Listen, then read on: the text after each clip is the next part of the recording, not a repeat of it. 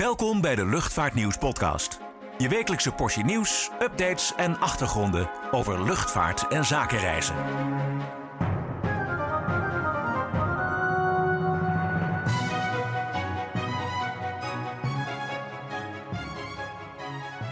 Hallo en welkom bij weer een nieuwe Luchtvaartnieuws podcast.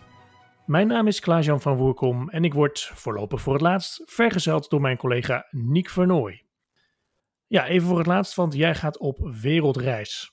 Nou ja, wereldreis. Het is wel een eindvliegen. Maar ik vlieg inderdaad straks naar Ecuador via Mexico. Ah, daar was je een paar weken geleden nog geweest. Ja, heel toevallig. Uh, toen voor werk. En nu is het voor vakantie en familiebezoek. Nou, je moet uh, je vlucht nog gaan halen, dus uh, laten we maar snel beginnen. we, beginnen we beginnen even bij KLM. want KLM neemt de komende tijd op vluchten naar zo'n 30 verre bestemmingen tientallen passagiers minder mee aan boord. Eh, de reden daarvoor is dat op deze geselecteerde vluchten een uh, cabin attendant minder meegaat. Hoe zit dat precies? Ja, op veel verre KLM-vluchten liggen de passagiersaantallen nog laag. En daardoor is er vaak uh, meer cabinepersoneel aan boord dan strikt noodzakelijk.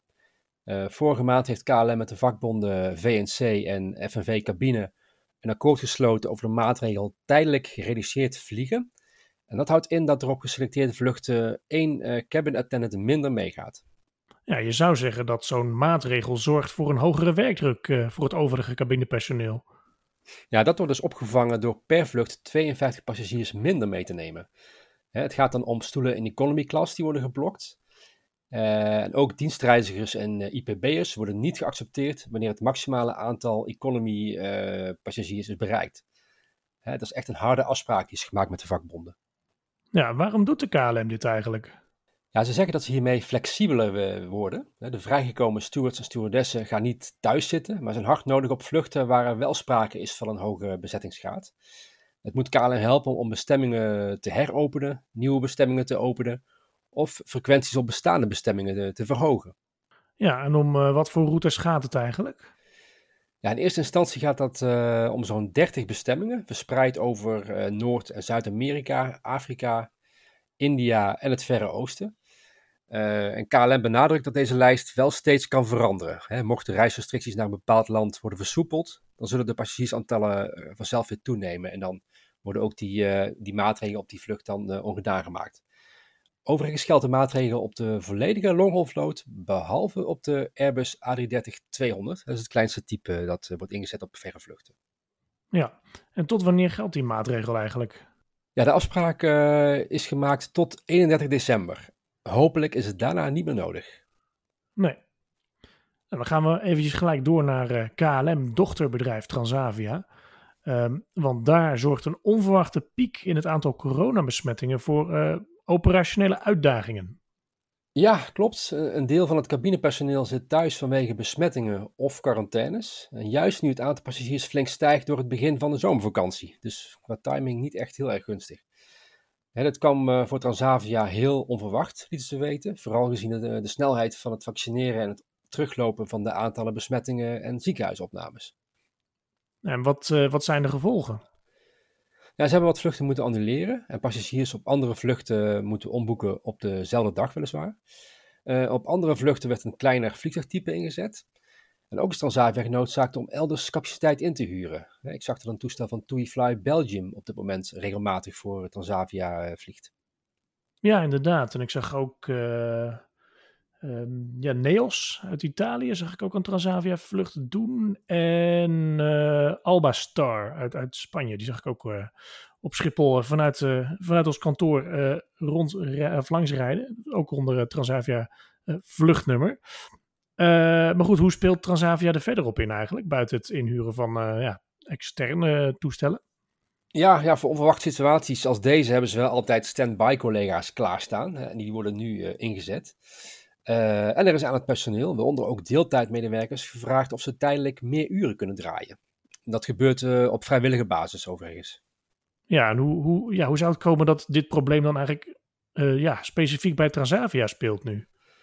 Ja, dat is een beetje gissen. Hè? Misschien, uh, dat is wat ik nu bedenk, omdat ze een wat jongere crew hebben die nog niet volledig is gevaccineerd. Maar ja, zoals ze zelf aangeven, uh, hadden ze niet op een piek van het aantal besmettingen gerekend. En overigens verwachten ze dat de situatie van tijdelijke aard is, omdat het aantal besmettingen op dit moment al stabiliseert. Dus ja, hopelijk is het snel achter de rug. Ja, ja, precies. Ja, het is, ja, als je kijkt naar andere delen van de wereld, sommige airlines die dwingen eigenlijk echt het personeel om volledig gevaccineerd te zijn.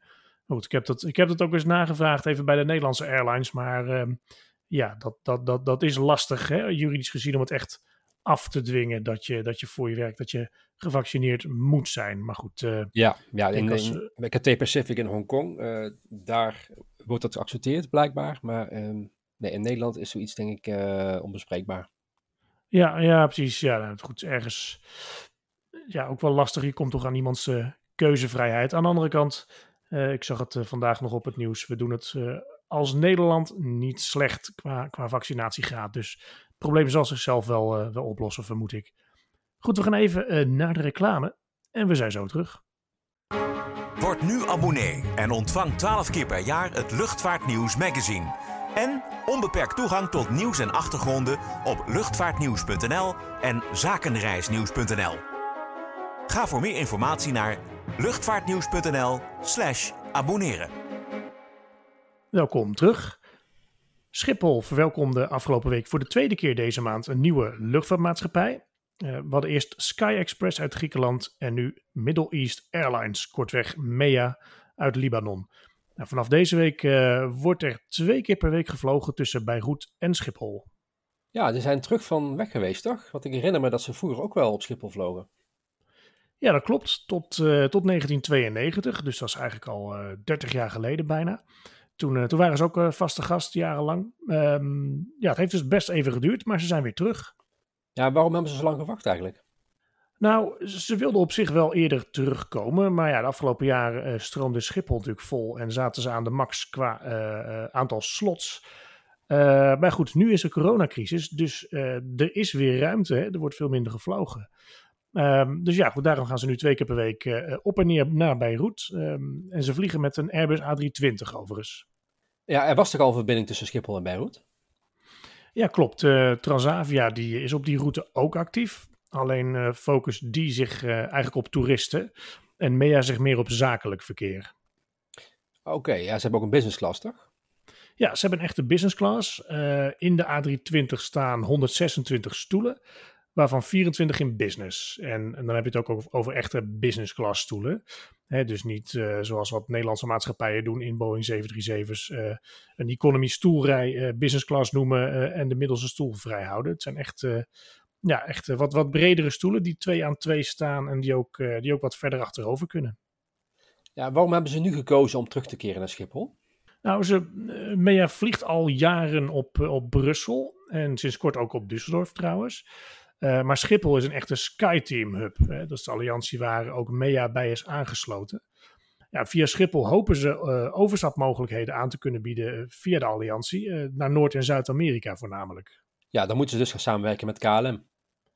Ja, dat is ook uh, de bedoeling. Uh, er wordt ook gesproken over coachaires, zodat reizigers gemakkelijk over kunnen stappen op Schiphol. Op uh, vluchten naar bijvoorbeeld Canada, hè, waar, waar een hele grote Libanese diaspora is.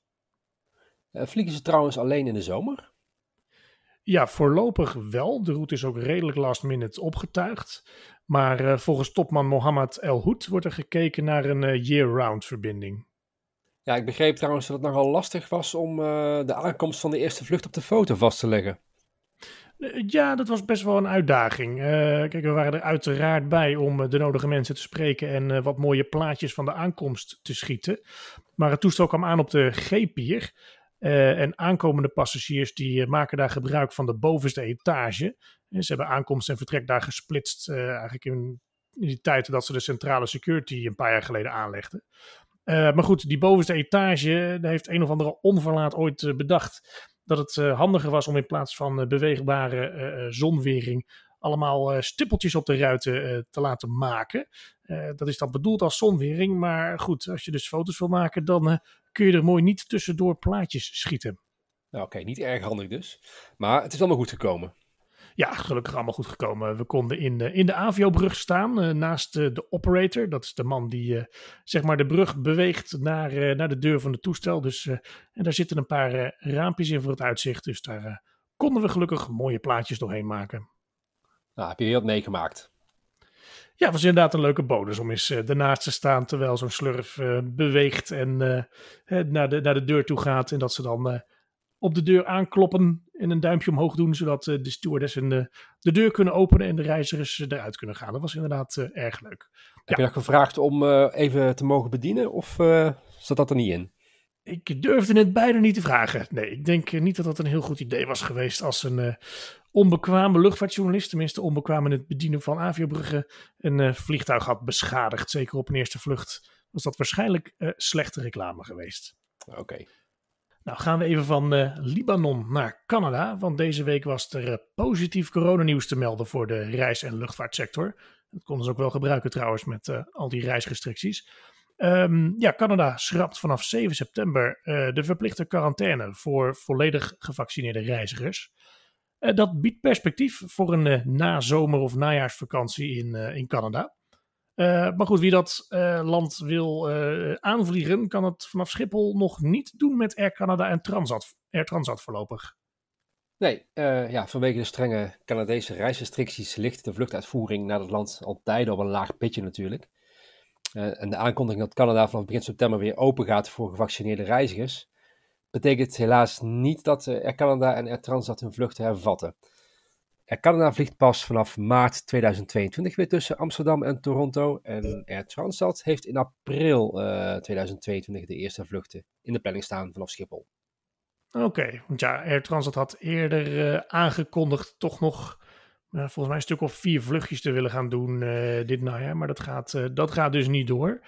Um, nee. Air Canada ja, doet op Schiphol alleen vracht. Um, vanaf Brussels Airport doen ze ook passagiersvluchten, toch? Ja, klopt. Dat is natuurlijk een Star Alliance hub. daar sluiten de vluchten van Air Canada aan op het netwerk van, van Brussels Airlines, met name naar Afrika. en de maatschappij voert de capaciteit op. Vanaf augustus vliegen ze vijf maal per week tussen Brussel en Montreal. Nou, als je dan toch van Schiphol per se naar Canada wil, dan wordt het dus KLM. Of vanaf augustus uh, nieuwkomer WestJet. Ja, ja, KLM vliegt naar alle vijf bestemmingen. Toronto, Montreal, Calgary, Edmonton en Vancouver. En inderdaad, WestJet die start in augustus een lijndienst uh, naar Schiphol vanaf thuisbasis Calgary. Oké, nou dat uh, is dus een alternatief. Dus KLM of, of WestJet.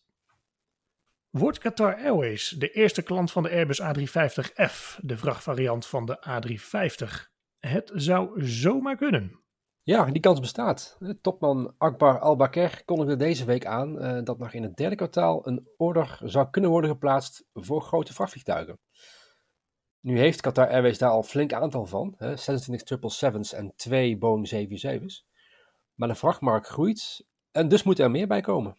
Ja, en dus mogelijk uh, A350F's of een vrachtversie van de Boeing 777X. er zitten volgens mij nog wat haken en ogen aan die ambitie, toch? Nou ja, best wel. Hè? Zo bestaat de A350F officieel nog niet. Daarover neemt Airbus pas eind dit jaar een beslissing. En een vrachtversie van de 777X ligt ook nog niet op de tekentafel. Plus, Qatar Airways en Airbus hebben nog een geschil over de kwaliteit van de verf van de A350's, die niet goed blijft zitten. Nou, misschien kiezen ze dan wel gewoon voor meer Boeing 777F's zoals ze nu hebben. Ja, dat zou kunnen. Um, maar het lijkt me niet dat ze voor de 7478F uh, zullen kiezen. Aangezien de productie daarvan wordt gestaakt helaas. Uh, de A330F hebben ze net uitgefaseerd. Dus die kans is ook erg klein. Nou, we gaan het zien. Ik uh, zet zelf in op de A350F. Aangezien ze ook voor de passagiersversie van de A350 de eerste klant waren. Ja, ik geef de A350 ook de meeste kans. Zeker ook omdat Airbus achter schermen al bezig schijnt te zijn met de lancering daarvan. Ja, ja nou, we wachten het af. Goed, als laatste onderwerp hebben we even Suriname Airways, waar we, uh, nou, we het ook redelijk vaak over hebben. Maar goed, we hebben toch een uh, bijzondere band als Nederland met Suriname. Um, want ja, Suriname Airways, SLM, wil het over een andere boeg gaan gooien. In de toekomst moet Paramaribo meer als knooppunt gaan dienen tussen Europa, de VS en Zuid-Amerika. Dat uh, staat in het herstelplan waar de Nederlandse topman Paul de Haan mee bezig is. Een opvallende move, of niet? Ja, dat denk ik wel. Maar ja, ze moeten iets, iets gaan bedenken om te overleven. Ja, dat is een understatement, want Suriname Airways staat ruim 100 miljoen dollar in het rood en ze hebben ook geen eigen vliegtuigen meer. Ja, hoe gaan ze dan een netwerkfunctie opbouwen zonder vloot, is de grote vraag. Ja, dat vraag je inderdaad af. Ja, nou, volgens Paul de Haan uh, komen er zeer binnenkort nieuwe vliegtuigen bij de vloot die beter passen bij het netwerk. Is er al bekend welke toestellen dat zijn? Nee, nog niet. Uh, we hebben de afgelopen weken natuurlijk al gemeld dat er gesprekken met KLM zijn geweest over uh, de mogelijke lease van Boeing 737's, uh, 777's en A330's. Maar onlangs waren er ook gesprekken om in Afrika toestellen te huren. Nou, echt sprokkelen dus. Het is echt sprokkelen en ik kan me voorstellen dat het ook behoorlijk lastig is om ten eerste de juiste machines te vinden en dan ook nog voor de juiste prijs. Nou, als netwerkcarrier zou je toch zeggen, koop niet te groot in.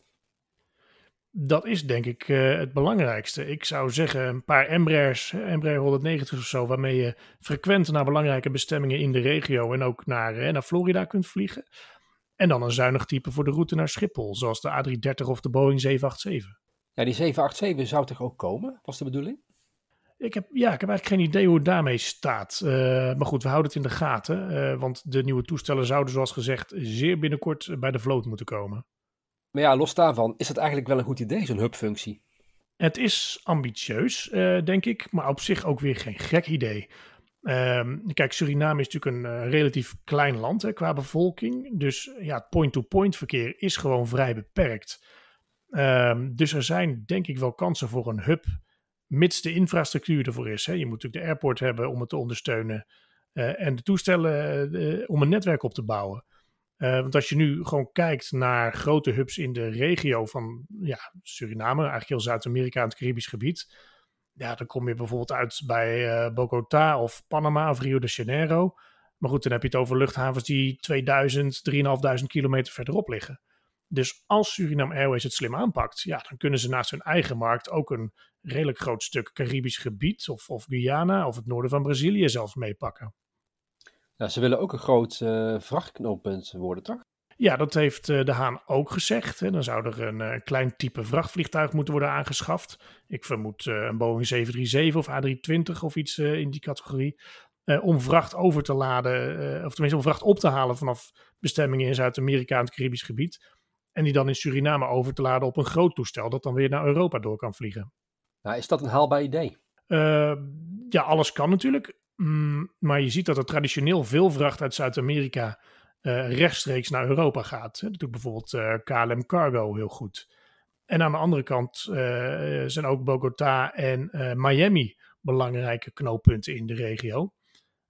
Maar goed, dat zou Suriname Airways in Paramaribo kunnen kopiëren. Uh, nogmaals, met de juiste infrastructuur. Uh, maar goed, ik weet dus niet of de Surinaamse regering zoveel geld heeft om daarin allemaal te gaan investeren nu. Nou ja, we gaan zien wat er van komt. In elk geval een, uh, een CEO met ambitie, lijkt het. Ja, dat zeker. en dat is denk ik ook wel een goede kwaliteit. lange termijnvisie is, is wat Suriname Airways nu nodig heeft. Goed, dat was het weer voor deze week. Nick, goede reis alvast en fijne vakantie. En nu bedankt voor het luisteren. Goed weekend en tot ziens. Bedankt voor het luisteren naar de Luchtvaartnieuws podcast. Voor opmerkingen, vragen of suggesties, mail ons redactie@luchtvaartnieuws.nl. Een fijne dag en graag tot de volgende podcast.